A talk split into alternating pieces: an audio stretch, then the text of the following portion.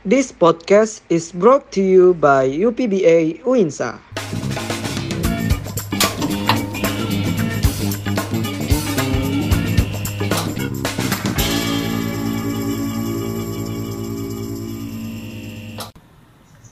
Assalamualaikum warahmatullahi wabarakatuh.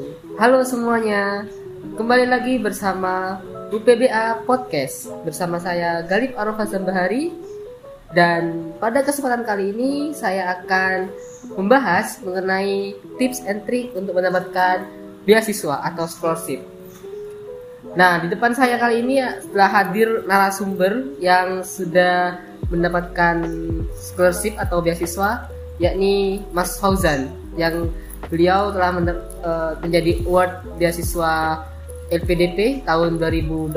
Halo Mas Fauzan. Hai ya, mohon maaf ya suaranya agak. Saya baru makan kentang soalnya. Gak apa-apa Mas santai aja kita. Bagaimana nih Mas kabarnya? Ya alhamdulillah malam ini baik. Barusan dari Malang, baru nyampe ini. Demi ini. Oh, demi UPBA. iya, iya, iya. Berapa jam Mas dari Malang? Sejam ya, 1 sampai 2 jam lah. Hmm. Ya, uh, jadi Mas Fauzan ini kan sudah pengalaman di beasiswa ya Mas ya di LPDP ini. Alhamdulillah baru sekali. Iya, ini yang percobaan pertama langsung gol atau udah beberapa kali coba Mas? Ya alhamdulillah ya untuk LPDP ini memang saya bukan bilang percobaan kali ya karena memang ya langsung gol gitu. jadi dulu belum pernah nyoba-nyoba. Dulu itu uh, buka websitenya LPDP cuman karena waktu itu lagi belum bu lagi belum buka pendaftaran jadi saya pun ya udahlah nggak daftar dulu kan hmm. dan ya waktu itu juga lagi baru lulus S2 gitu jadi kayak aduh masa mau langsung lanjut sih? Jadi ya yang nggak dulu deh gitu. Terus juga faktor lainnya adalah uh, sertifikat TOEFL saya itu udah mau hangus gitu. Udah mau dua tahun. Jadi kayak ah, ya udahlah tar aja gitu. Mau ambil sertifikat baru. Makanya dulu dulu sebenarnya pernah uh, mau daftar tapi dulu nggak jadi daftar. Dan ini baru kali ini uh, daftar dan langsung ikut seleksi. Alhamdulillah lolos babak satu dua dan tiga gitu langsung ya uh, alhamdulillah di satu kali daftar langsung lolos itu. ya ini wow saya juga uh, keajaiban gitu ya serius uh. nah itu kan kalau untuk di LPDP itu kan ini kita tahu tuh hal susah banget lah langsung dapat itu ya mas ya nah mungkin dari mas Ozan uh, bisa nggak diceritakan kayak pengalamannya dan perjuangannya untuk mendapatkan beasiswa LPDP ini?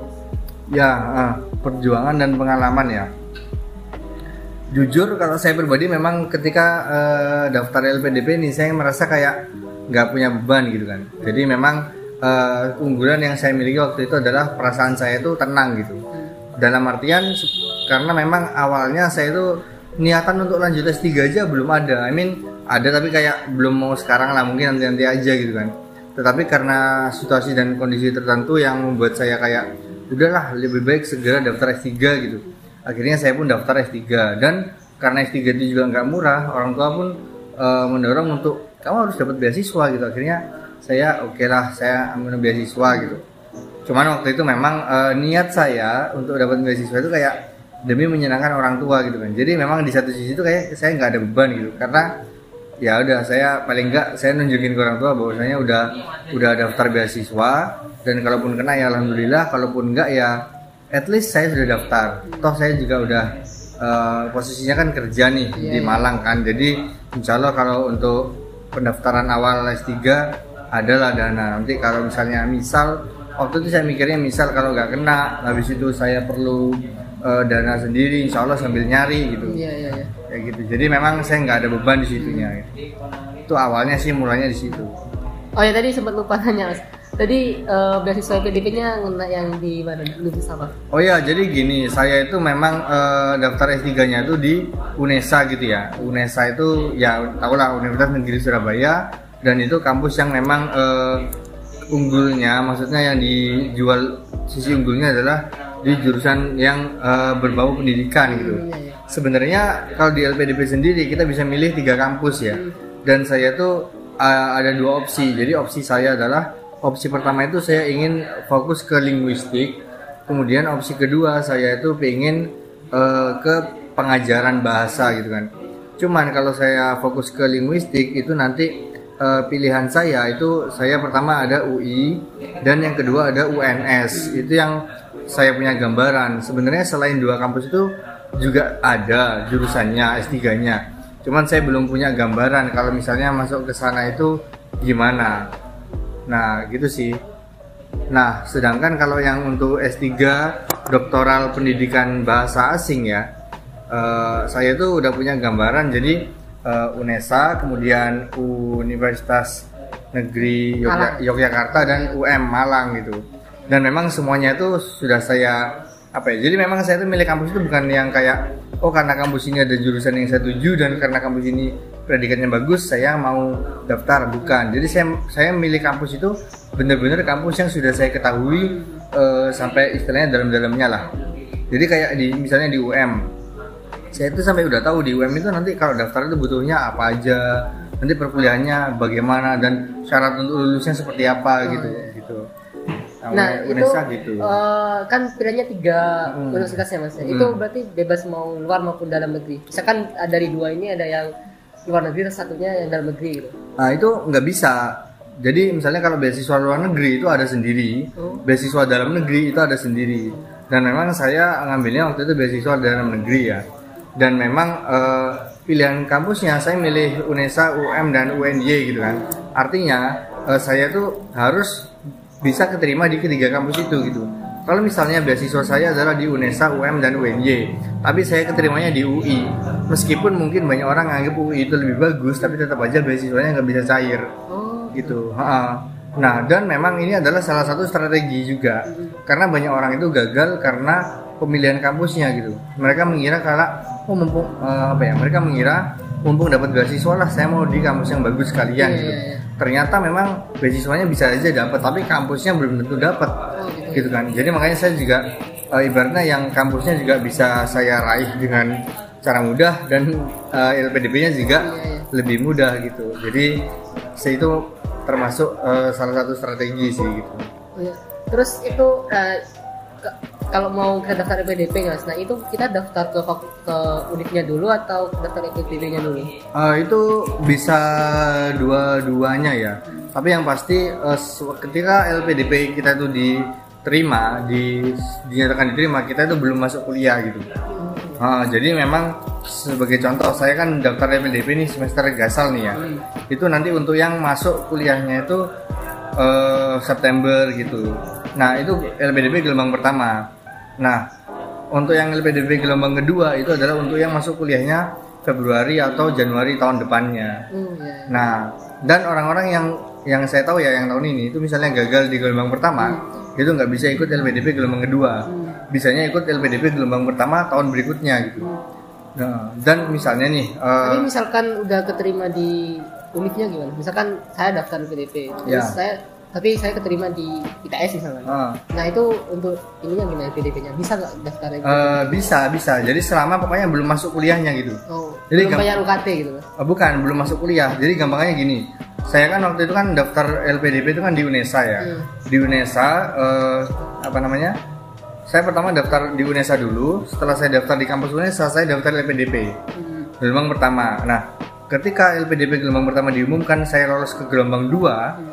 Eh, itu pengu- pengumumannya itu belum muncul yang di UNESA Itu udah daftar UNESA berarti? udah daftar UNESA. Nah, ketika saya udah ikut gelombang 2 LPDP setelah tes bakat skolastik itu tes tulis, UNESA itu keluarlah pengumumannya saya diterima. Hmm. Otomatis kan karena saya sudah diterima, saya kan punya LOE kan. Iya iya. Nah, sebenarnya kalau ketika kita daftar LPDP, kalau kita sudah punya LOE, letter of acceptance, Iya, iya. kita nggak perlu ikut uh, tes gelombang dua, uh, tes yang tahap 2.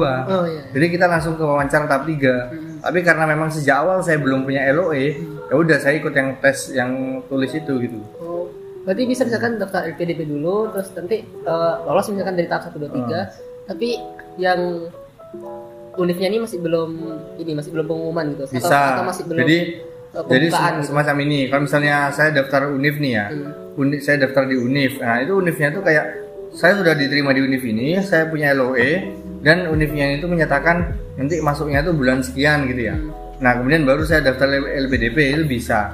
Setahu saya gitu selama pokoknya kita belum menjalani perkuliahan gitu. Oh iya iya. Jadi baru daftar gitu kan, baru daftar itu bisa. Atau kita daftar LPDP dulu. Misalnya nih, saya daftar LPDP di tiga kampus ya, misalnya UI, ITB, UGM misal tahun ini.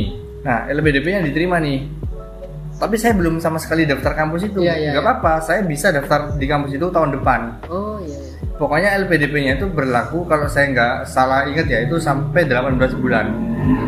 LPDP itu hangus ketika misalnya kita udah diterima LPDP tapi ternyata kita nggak kunjung daftar kuliah nih sampai 18 bulan itu baru hangus gitu. Oh iya. iya. Ah, jadi ya, ya apa ya longer sih kalau dari LPDP-nya. Berarti mending daftar di LPDP-nya dulu baru ke kampusnya dulu ya. Menurut saya sih bebas ya. Iya, cuman memang keuntungannya apa? Kalau kita di kampusnya sudah diterima, Iya, iya. itu di LPDP-nya jadi lebih mudah. Mm. Nah sebaliknya kalau kita di LPDP-nya itu diterima, kita daftar kampus itu lebih mudah.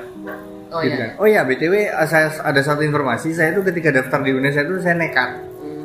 Jadi saya waktu didaftar di UNES saya itu saya itu belum diterima LPDP. Mm. Bahkan saya itu belum daftar LPDP. Tapi ketika di bagian sumber pendanaan kan waktu di UNESA kan waktu daftar itu kan ada bagian sumber pendanaan Iya kan iya iya. saya tuh nggak kan ada pilihan dari kerja dari apa gitu ya. Iya, iya. Saya tuh nggak ngisi itu, saya tuh nulisnya sumber pendanaannya tuh dari LPDP gitu. Jadi kan saya tuh udah kayak percaya diri duluan gitu kan. Jadi Padahal kayak belum daftar belum belum diterima daftar aja belum gitu. Iya, iya. Jadi kayak saya di satu sisi kayak itu saya merasa kayak anjir percaya diri banget saya gitu kan. Tapi di sisi lain ya udahlah nggak baca doa gitu kan. Iya, Iya iya. gitu itu. ya, Nah, tapi kalau untuk persiapan-persiapan untuk ikut LPDP itu apa aja? Mas? Kayak dari mungkin kayak TOEFL atau IELTS gitu. Ya, ya eh, khususnya kalau yang dalam negeri ya. Kalau yang luar negeri kan memang TOEFL itu nggak nggak diterima nih. IELTS dan sebagainya lah ya. Dan yang luar negeri saya juga kurang tahu Semua kan. luar negeri. Siap Oh. meskipun Singapura. Nggak mau TOEFL kalau luar negeri. Kalau mungkin mungkin kampusnya mau, tapi LPDP-nya nggak mau. Ah, dan eh, setahu saya, saya nggak tahu juga kalau di luar negeri itu nanti bagaimana LOE-nya dan sebagainya. Soalnya karena dulu saya itu pernah mencoba daftar di universitas di Malaysia. Dulu saya itu pernah waktu oh, pengen S2 di sana. Tapi kayak saya itu agak kerepotan ke- eh, mendapatkan LOE-nya. Dan kalau misalnya kampus di Indonesia kita kesulitan kan eh, mungkin kita bisa datengin kampusnya dan tanya langsung gitu kan. Tapi kalau di luar negeri kan kita nggak mungkin datengin di Iya, sana. iya, iya. Itu lah repotnya. Terus kemudian eh, apa tadi pertanyaannya saya lupa. Ya, untuk pesertanya itu apa aja gitu. Ah, ah. Yang harus disiapkan gitu. Ya ya. Kalau TOEFL ya yang saya tahu eh, yang IELTS dan sebagainya mungkin saya lupa. Tapi kalau untuk TOEFL kalau S2 itu tuh 500 LPDP-nya ya Iya, bukan kampusnya. Kalau S3 itu minimal 530. Nah, kalau misalnya saya mau daftar di UI nih, S3 di UI di ilmu linguistik itu memang LPDP-nya tetap minimal 530. Tapi untuk daftar S3-nya minimal itu 550 gitu. Iya. iya. Nah, sebenarnya saya nggak melihat persyaratan ini karena saya sudah merasa alhamdulillah percaya diri waktu itu karena untuk percaya kan 560. Iya, 560 tuh kayak ya udahlah, insya Allah apa pun lewat gitu kan. Nah gitu. Lalu kemudian ada lagi persyaratan yang lain adalah surat rekomendasi. Iya, iya. Jadi kalau belum kerja bisa surat rekomendasi dari dosen eh, di kampus terdahulunya gitu kan. Kalau dari pejabat itu kayak Iya. bupati atau siapa gitu. Bisa juga ah, itu memang sangat tinggi banget ya. Iya, iya. Eh, kalau saya saya sendiri eh, waktu itu memang surat rekomendasinya adalah dari Pak Bapak Direktur tempat saya kerja. Jadi Direktur Lembaga Bahasa di situ. Karena memang eh, kenapa saya minta dari Pak Direktur itu karena saya merasa merasa juga itu lebih realistis. Kan Pak Direktur itu kan yang tahu bagaimana saya bekerja sehari-hari di situ gitu kan. Jadi ya pendapatnya mungkin lebih realistis lah daripada ke dosen kuliah yang ya memang itu dosen kuliah tapi kan saya udah lama nggak kuliah Iya, iya. iya. jadi beliau-beliau nggak tahu gimana gitu Kalau misalkan kan ada misalnya disuruh esai gitu atau juga bikin motivation letter gitu. Jadi kalau ini bikin- ada ada ada IC juga ada dan proposal juga ada karena saya S3 ya proposal disertasi juga ada dan uh, IC ya dan memang ini uh, Esainya bahasa Inggris atau IC-nya bahasa Indonesia karena saya dalam negeri gitu ya. Dan sebenarnya masalah IC ya jujur aja masalah masalah berkas itu memang jujur-jujuran gitu isinya. Jadi eh, dalam artian apa? Eh, kita memang dituntut untuk memiliki apa ya kayak background yang bagus gitu kan. Karena eh, kalau kita unggul itu kita eh, apa namanya itu probabilitas untuk diterima kan lebih Iya, tinggi. iya.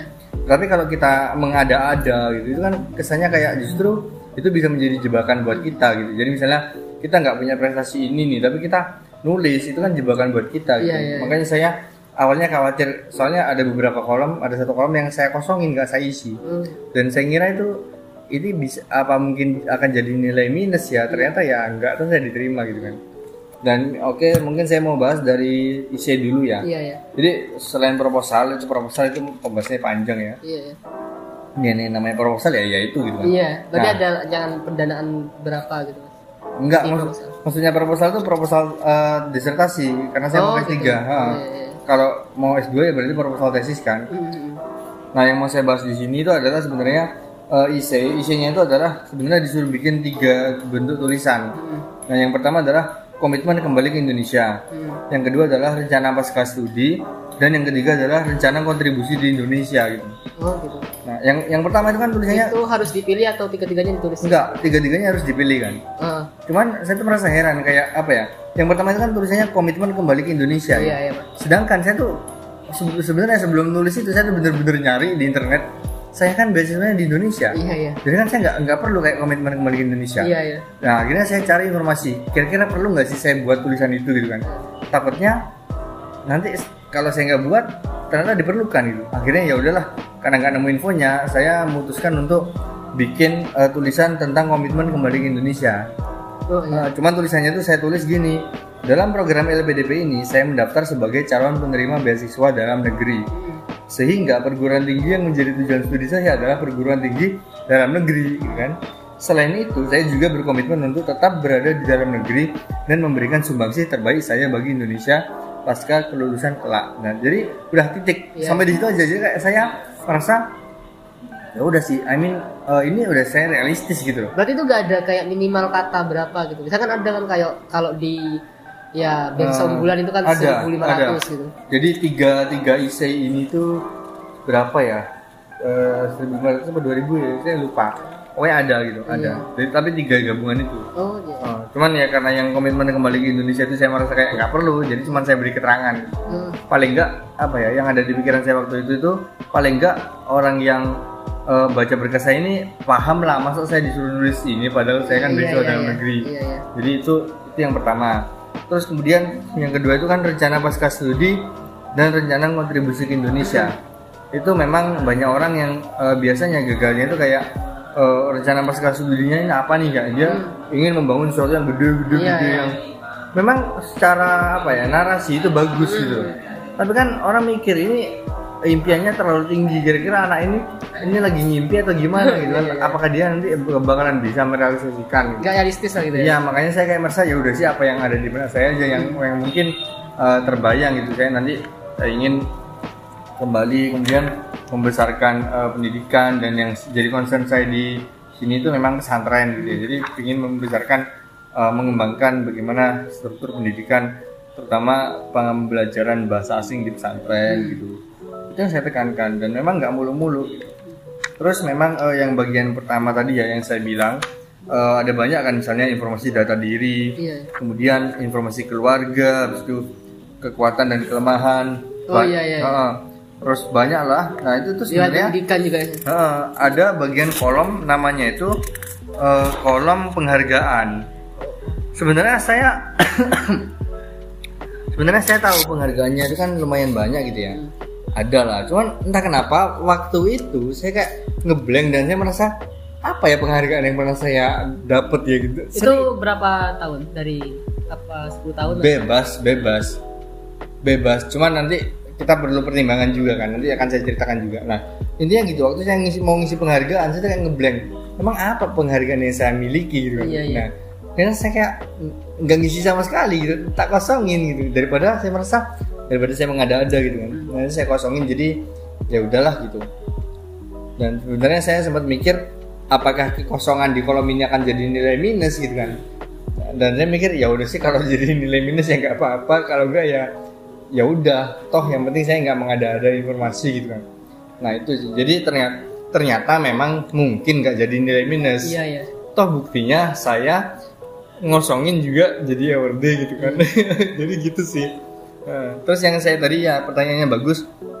Itu sejak SMA atau apa Iya, iya, ditulis iya. atau enggak itu terserah. Karena memang eh, di bagian eh, ini ya pengalaman organisasi, pengalaman organisasi saya- saya itu ju- jujur dikit gitu. Dikit dalam artian apa? Dulu waktu SMP saya ke- waktu SMA saya kan angkatan pertama di sekolah Iya, iya. dan itu belum ada organisasi. Jadi SMA saya nggak ikut organisasi. Hmm. Waktu kuliah saya memang ada eh, tiga ya di sini, ha. Hmm. dan itu saya tulis gitu kan. Nah, tapi kayak saya merasa eh, kalaupun saya nulis organisasi saya di SMP itu kan nggak nggak yang kayak jadi banyak banget gitu ya. Iya iya.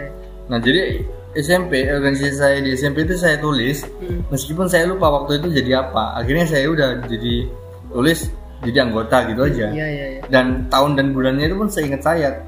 Terus saya tulis 2007 bulan Agustus gitu. Padahal saya nggak ingat itu bulannya bulan apa. Iya gitu. iya. iya.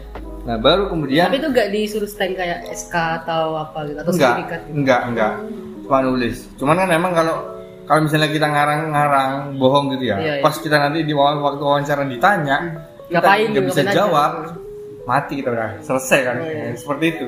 Makanya saya bener-bener nggak mau bohong apa adanya kan. Nah, terus itu kan bagian prestasi. Saya memang ngisi sampai ke eh, apa namanya eh, SMP gitu kan. Tapi kemudian bagian konferensi dan seminar, konferensi dan seminar ini saya udah sering banget ngisi gitu ya. Hmm. Bahkan mulai dari Itu konvensi yang sebenarnya yang jadi pemateri atau pes- peserta atau apa? eh nggak tahu ya kalau peserta, tapi seingat saya jadi panitia sih minimal. Oh gitu. Seingat saya ya. Iya, iya. Jadi panitia atau pemateri atau apa gitu lupa. Nah, kalau memang konferensi dan seminar itu kan banyak banget gitu Iya, ya. iya. Bahkan sejak 2015 14 pun sudah ada gitu. Apalagi yang panitia itu dari sejak tahun berapa gitu kan.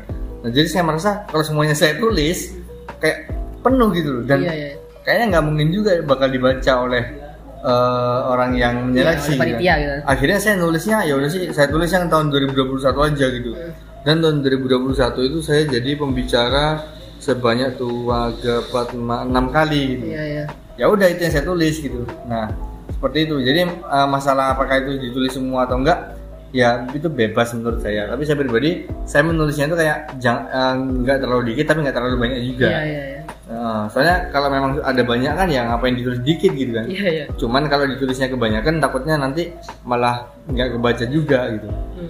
Dan yang pasti memang eh, kalau bisa jangan jangan berbohong saat mengisi, jangan mengada-ada karena memang eh, nanti ketika di tahap 3 wawancara itu ditanya. Misalnya saya waktu itu sempat ditanya secara ran- random itu tentang ini. Eh, mana ya? Eh, ini COVID Talk 2021 COVID Talk kesehatan mental dan strategi belajar. Iya iya. Saya tuh sempat ditanya, concern saya itu kan di bahasa Iya iya. ya dan pengajaran. Terus itu kok jadi pemateri COVID Talk itu apa yang masnya bicarakan di situ? Iya, iya. Nah itu kan kalau saya bohong kan saya jadi bingung Iya, ya. iya. Tapi memang alhamdulillah waktu itu memang saya ada eventnya dan saya benar-benar jadi berbicara. Hmm. Ya saya saya jawab kepada si pemateri kepada pematerinya tuh itu apa namanya eventnya itu temanya tajuknya adalah kesehatan mental dan strategi belajar. Hmm. dan itu pematerinya dua bukan hanya saya. Saya hanya salah satu pematerinya. Hmm. dan pemateri satunya adalah seorang psikolog. Nah beliaulah yang men- menjelaskan tentang kesehatan mental. sedangkan saya bagian saya adalah strategi belajar. Nah, sehingga orang yang wawancara oh iya iya iya. Nah gitu kan ya jadi emang jujur saya gitu. Jadi ya eh, gitu. Pokoknya nggak bohong lah. Berarti nggak ada kayak harus nyatakan dokumen-dokumennya yang oh enggak enggak dokumen enggak Terus kalau dari LPDP sendiri ada kayak pertanyaan yang sejawab Mas? Kayak misalkan ada empat pertanyaan yang dijawab atau apa gitu. Jadi, gimana?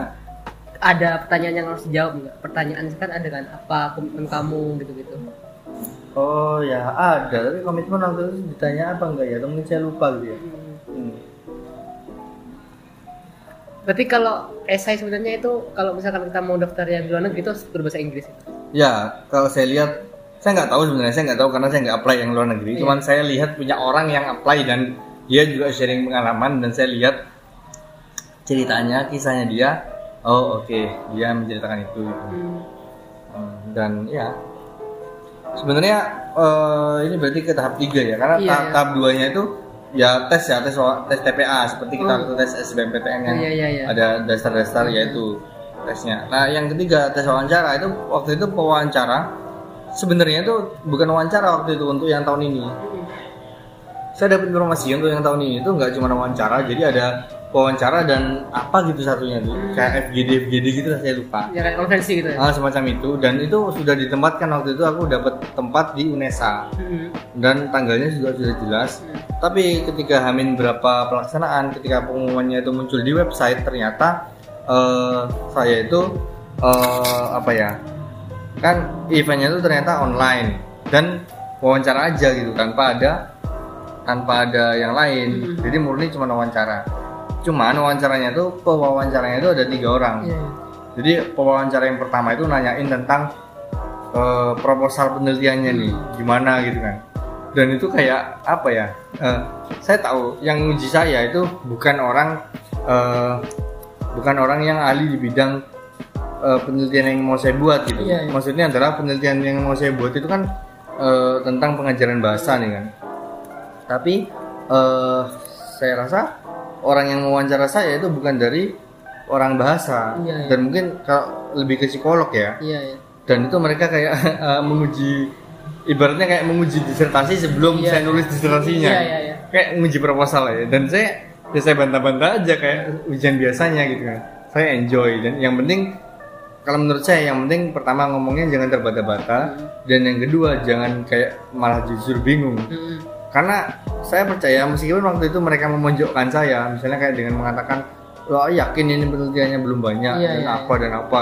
Dan yakin ini bakalan seperti ini seperti ini ya? Saya jawab aja dengan percaya diri ya yakin gitu. Iya. karena kalau saya kelihatan eh, tiba-tiba apa eh, kayak mentalnya jatuh itu itu kan berarti kan memperlihatkan bahwasanya saya nggak konsisten. Iya. Dan itu memperlihatkan bahwasanya saya sebenarnya belum ready untuk Iya, melakukan penelitian itu. Jadi sebenarnya mes- sebenarnya meskipun saya kayak ya meskipun saya sendiri belum saya saya tahu saya yakin saya sadar Hmm. bahwasanya proposal yang saya tulis itu kayak belum sepenuhnya mateng Iya, gitu iya. kan. Tapi ya udah demi apa ya? Proposal itu sampai sampai bab berapa? Sampai bab dua. Enggak proposal itu isinya itu kayak pembukaan, kemudian eh, apa namanya latar belakang, habis itu habis latar belakang itu ada apa perumusan masalah kan, pertanyaan Iya, iya, iya. penelitian, kemudian apa tujuannya apa, Iya, iya. habis itu kelogisan, maksudnya kelogisan itu penelitian ini logis nggak sih untuk dilaksanakan di sini gitu Iya, kan? iya, iya. di Indonesia ini khususnya. Nah kemudian desain metode, manfaat, kesimpulan udah daftar Iya. pustaka.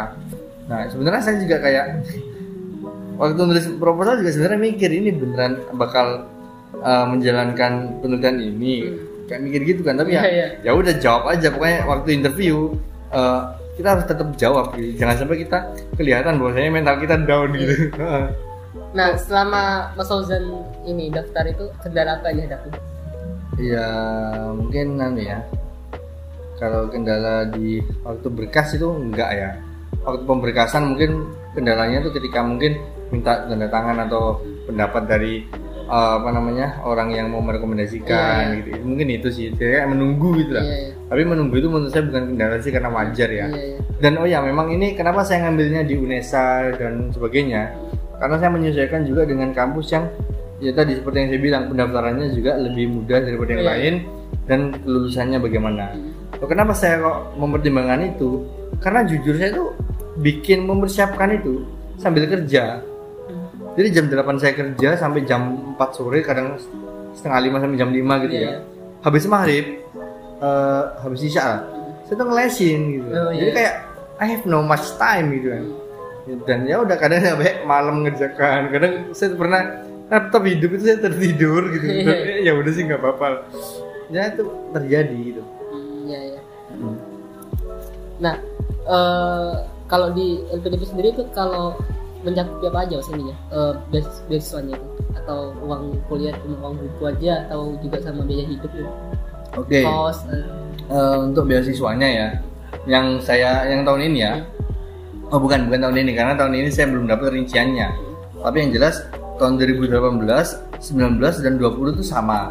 Makanya saya menga- mungkin mengacu ke yang tahun 2020 aja ya. Itu 2020 itu ada uang eh, uang apa namanya uang buku. Hmm, ya uang buku entah itu bukunya buku fisik atau e atau apa pokoknya di tulisannya itu uang buku gitu kan. Itu 10 juta hmm, per tahun. Ya. dan itu diberikannya kontan. Maksudnya dalam artian eh, LB, eh, beasiswanya mulai saya mendap- saya mulai mendapatkan dana itu misalnya bulan ini misalnya atau Agustus atau September gitu ya. Maka pada bulan itu uangnya dicairkan segitu tek. Nah, terserah mau mau langsung dihabiskan semua atau apa Iya. terserah gitu itu uang bukunya itu jadi setahun sekali. Lalu per bulannya itu ada ini untuk S3 ya Iya, iya, S3 saya karena juga beda lagi lebih Oh, dikit bener. tentunya. Oh iya. Ah, tapi kalau bulanannya saya nggak tahu gitu. Tapi untuk yang saya S3 ini bulanannya tuh 4 juta. Dan 4 juta ini tuh untuk kota-kota tertentu. Kalau kalau nggak salah ada 4 atau 5 kota tertentu gitu yang 4 juta. Lainnya itu bulanannya 3,6 nah yang 4, yang 4 juta ini adalah Surabaya Jakarta Bandung dan satu atau dua lagi saya lupa Mm-mm. gitu itu 4 juta yang lainnya 3,6 juta Berarti itu nanti per bulan harus nyetain ini ya kayak nota gitu Enggak. laporan oh, enggak. Enggak, itu per bulan udah 4 juta ini lo mau pakai apa aja Jadi enggak terserah. enggak ketat gitu ininya. Ya enggak, yang yang ketat itu ya yang setahu saya itu adalah uang penelitiannya. Oh gitu ya. Oh, jadi dana penelitian, dana penelitian itu kalau untuk dokter itu adalah na- 60 sampai 75 juta. Jadi 60 juta itu yang nggak pakai laboratorium, 75 juta itu yang pakai laboratorium. Iya iya.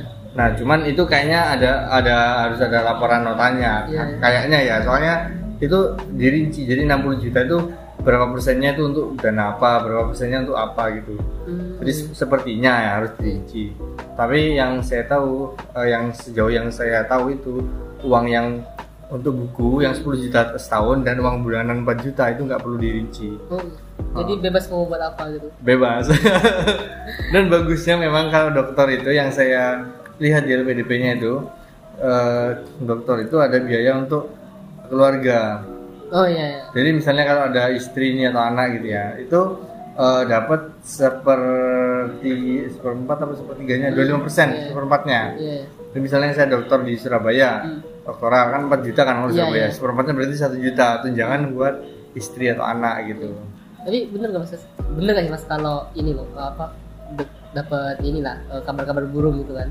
Itu katanya kalau anak yang dari ma LPDP itu, yang award LPDP itu katanya bisa sampai beli rumah, beli mobil gitu.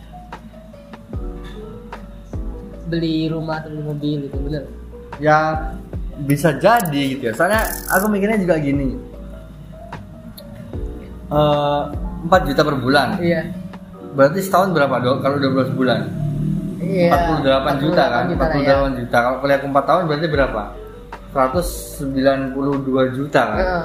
192 juta terus uang buku setahun 10 juta kalau 4 tahun 40 juta Iya itu. ya rumah sih itu Bikin rumah gitu. kan. itu kan kalau misalnya saya murni LPDP nih Hmm. kalau misalnya saya sambil dapat LPDP terus tapi uang LPDP itu saya pendem misalnya terus Iya, kemudian uang yang saya jadikan biaya sehari-hari adalah uang saya kerja sambilan gitu ya. Heeh.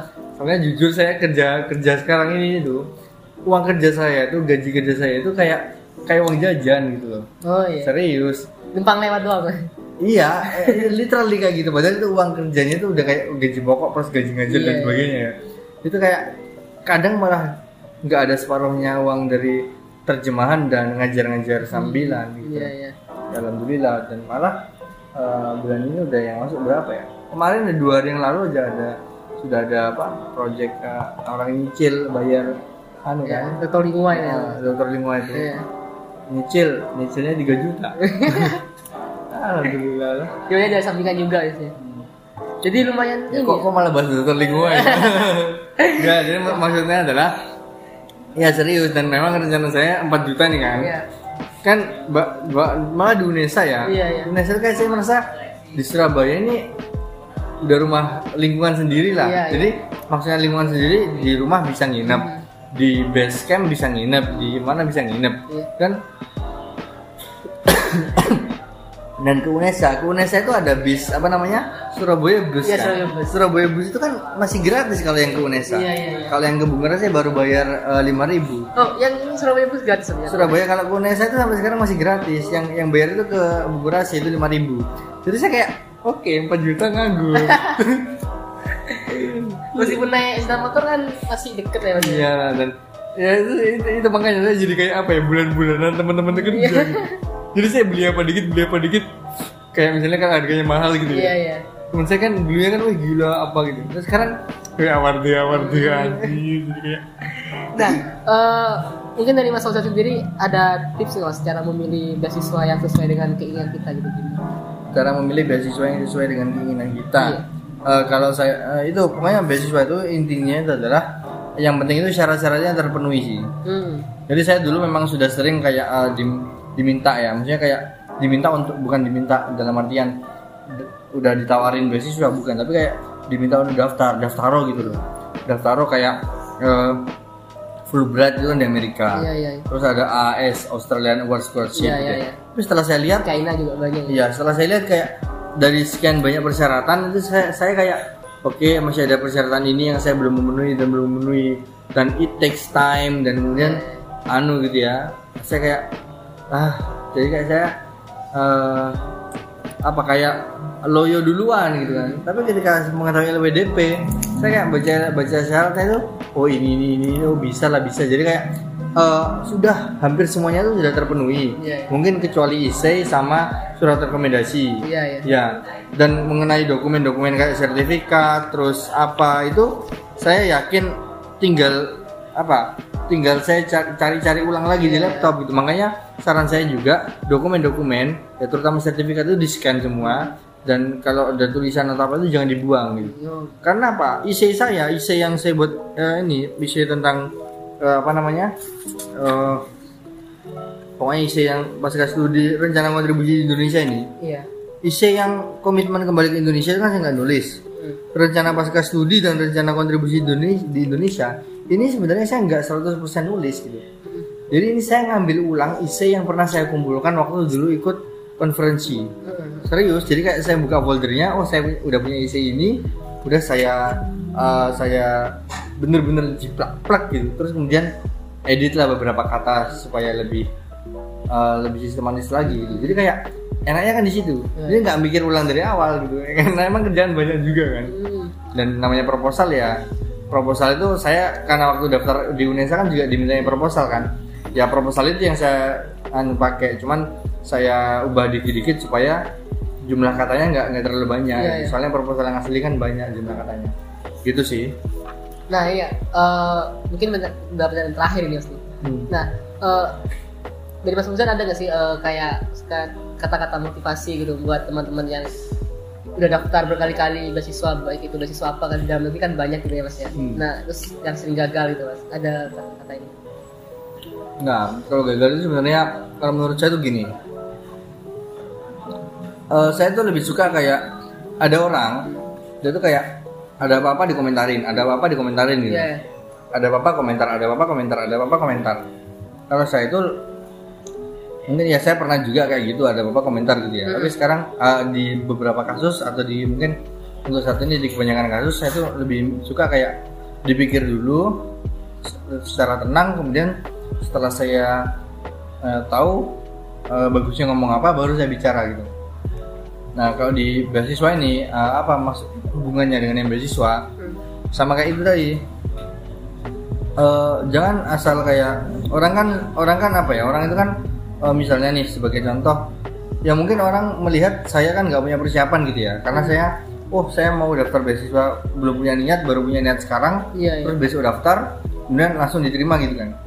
Mungkin orang kelihatannya seperti itu. Tapi tapi sebenarnya sebelum saya daftar itu kan saya punya berkas-berkas sertifikat kemudian TOEFL dan apalagi karya ilmiah pengalaman riset konferensi penghargaan dan sebagainya kan saya, saya udah punya kan Hmm. sehingga ketika saya daftar memang saya nggak nggak apa ya nggak banyak persiapan karena memang saya tinggal ngambil dokumen-dokumen itu Iya iya. tapi kalau orang yang nggak punya kayak misalnya pengalaman organisasi nggak punya, terus riwayat pekerjaan, terus prestasi dan pengalaman workshop dan lain-lain nggak punya itu kan susah dia, Hmm. ya kan? Masa misalnya kita, oke lah, misalnya beasiswanya pendaftarannya dibukanya bulan depan atau dua bulan lagi, terus kita sekarang nggak punya pengalaman organisasi, masa kita mau ikut organisasi sekarang untuk daftar beasiswa bulan depan? Kan nggak mungkin. Iya iya iya. semacam itu. Jadi memang saya ini kelihatannya eh, langsung keterima.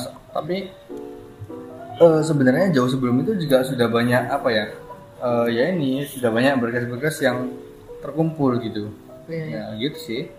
Berarti ini ya, ya, eh, harus kita prepare lihat dulu dulu apa beasiswanya itu dan cari tahu beasiswanya gimana ini Ah, persaingannya gitu. ya. ah, betul ya ibaratnya kayak hmm, ya ya gitulah Heeh. Iya. mungkin mungkin kita mungkin kita bisa nih eh, kita tahu misalnya misalnya ada hotel ya ada hotel nih Eh, hotel ada bintang ada hotel bintang 2 bintang 3 bintang 4 bintang 5 kita tahu hotel yang bintang 5 itu yang bagus gitu kan tapi bukan berarti itu yang terbaik buat kita kita masuk ke situ ternyata uang kita nggak cukup ya kita diusir gitu Iya iya. Nah kalau kita masuk ke hotel bintang satu mungkin itu nggak sebagus bintang 5 Tapi setelah kita masuk situ uang kita cukup dan kita Iya. dapat pelayanan bisa nginep ya. Nah mungkin beasiswa juga semacam itu. Iya. Kita nggak eh, kita jangan langsung menargetkan kampus yang terbaik dengan harapan oh nanti ketika ditanya wawancara juga karena ini kampusnya terbaik gitu. Enggak. Hmm. Oh ya jadi ini pengalaman waktu di wawancara juga kan sempat ditanya tuh kenapa UNESA gitu kan. Hmm. mungkin banyak orang itu juga uh, gagalnya di sini karena mungkin mereka merasa kampus yang dipilih adalah kampus unggul sehingga ketika ditanya itu kenapa kau milih kampus ini? Karena kampus ini terbaik dan apa sebagainya. Iya.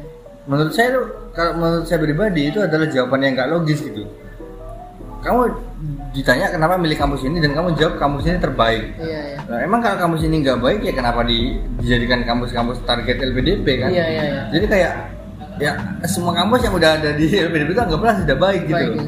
Dan sekarang itu pertanyaannya apa yang membuat kamu lebih condong ke kampus itu gitu? Nah seperti itu dan memang jawaban saya waktu itu pertama UNESA itu kan di Surabaya, Uh, which is uh, in which di Surabaya itu udah lingkungan saya pribadi kan, sehingga saya itu akan lebih mudah untuk beradaptasi gitu baik itu di lingkungan sekitar kampus maupun akademik kampus. Hmm. Lalu yang kedua adalah bahwasanya eh, apa? Saya juga sudah kampus-kampus yang saya pilih itu kampus-kampus yang sudah saya eh, teliti eh, data-datanya mengenai bagaimana eh, apa persiapan masuknya, terus bagaimana eh, nanti perkuliahannya dan bagaimana syarat lulusnya gitu. Sehingga saya di UNESA saya merasa sangat siap untuk menghadapi proses perkuliahan. Itu jawaban saya yang kedua. Lalu yang ketiga, saya tuh bilang kalau di UNESA itu eh, saya tahu eh, UNESA itu memiliki kerjasama dengan sejumlah eh, sekolah dan pondok pesantren, yang mana sekolah dan pondok pesantren itu akan rencananya akan saya jadikan sebagai eh, tempat pengambilan sampel penelitian saya. Untuk disertasi ya. Ya, eh, sehingga jika kampus sudah memiliki kerjasama itu akan mempermudah penelitian saya. Saya bilang gitu. Makanya ini kan terlihat logis. Itu jauh lebih logis daripada kenapa mengambil kampus ini? Oh karena menurut di internet bagus. Ini nggak logis banget gitu. Meskipun memang kampusnya bagus ya. Iya. Nah, tapi kalau nggak bagus ya kenapa LPDP? Iya, gitu, itu. gitu. Iya gitu. Itu sih. Ya mungkin eh, cukup sampai di sini dulu mas untuk Iya. podcastnya pada Oke. hari ini gitu ya. Oke. Mungkin bisa dilanjut di lain kesempatan. Yo, thank you. Nah, ya, oke baik teman-teman itulah podcast kita pada hari ini. Eh, sekian dari saya. Kalau lebihnya mohon maaf. Wassalamualaikum warahmatullahi wabarakatuh. Sampai jumpa di episode berikutnya. Waalaikumsalam. warahmatullahi wabarakatuh.